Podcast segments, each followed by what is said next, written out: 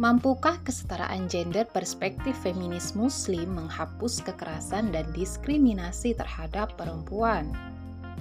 Feminis barat menilai bahwa secara umum dunia Islam memiliki praktek penindasan akut terhadap perempuan. Mereka mengklaim buktinya adalah adanya tradisi yang berjalan, cara berpakaian maupun ajaran-ajaran yang disakralkan. Dalam hal perempuan bekerja, feminis muslim membantah bahwa yang dikatakan feminis barat tidak benar. Feminis muslim mengajak untuk menengok sejarah Islam yang gemilang bahwa Khadijah, istri Nabi kala itu, sudah aktif berdagang pada masa jahiliyah. Berbagai upaya dilakukan feminis muslim membantah banyak tuduhan feminis barat.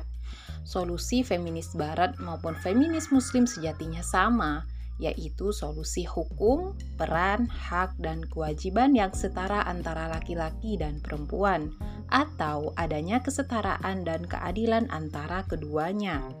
Wajar jika masih tetap ada kekerasan dan diskriminasi terhadap perempuan. Sebagai agama yang sempurna, Islam mampu menyelesaikan semua problematik kehidupan, baik menyangkut laki-laki maupun perempuan.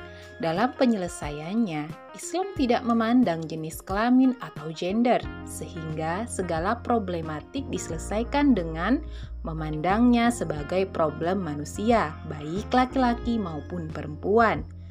Konsep kesetaraan gender atau emansipasi sesungguhnya tidak dikenal dalam Islam, tidak dikenal pada masa Rasulullah, tidak pula pada masa Khulafaur Rasidin hukum konvensi tertinggi sebagai sumber penetapan hukum terkait konsep kesetaraan gender berasal dari kaum feminis melalui konvensi PBB, bukan hukum buatan Allah yang maha mengatur.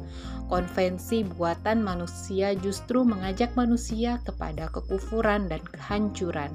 Untuk melihat kedudukan perempuan di depan syariat, haruslah mencermati, meneliti, dan mempelajari keseluruhan nas, bukan mengambil bagian nas sesuai nafsu, keinginan, dan mendukung target kesimpulan yang telah dicanangkan, atau dengan mencampakkan sebagian nas yang tidak sesuai dengan itu semua dengan mengamati dan mencermati seluruh nas terhadap hak dan kewajiban yang berlaku sama bagi perempuan dan laki-laki.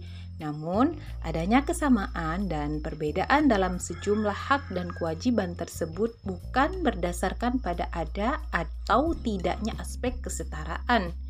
Ini karena Islam memandang komunitas masyarakat, baik laki-laki ataupun perempuan, sebagai komunitas manusia secara keseluruhan, bukan komunitas laki-laki atau perempuan saja.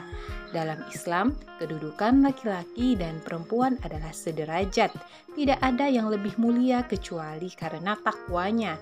Islam tidak mengekang dan, dan meniadakan kebutuhan manusia.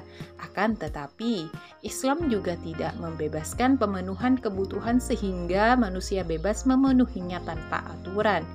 Ini karena pemenuhan kebutuhan secara bebas justru akan mengantarkan manusia kepada kehancuran. Dari sini akan muncul kepuasan akal, ketentraman hati, dan ketenangan jiwa. Inilah peraturan yang mampu mengantarkan manusia menjadi manusia atau masyarakat-masyarakat luhur dan mulia yang terjaga dari nilai-nilai yang merusak masyarakat. Husain Abdullah Muhammad Studi Dasar-Dasar Pemikiran Islam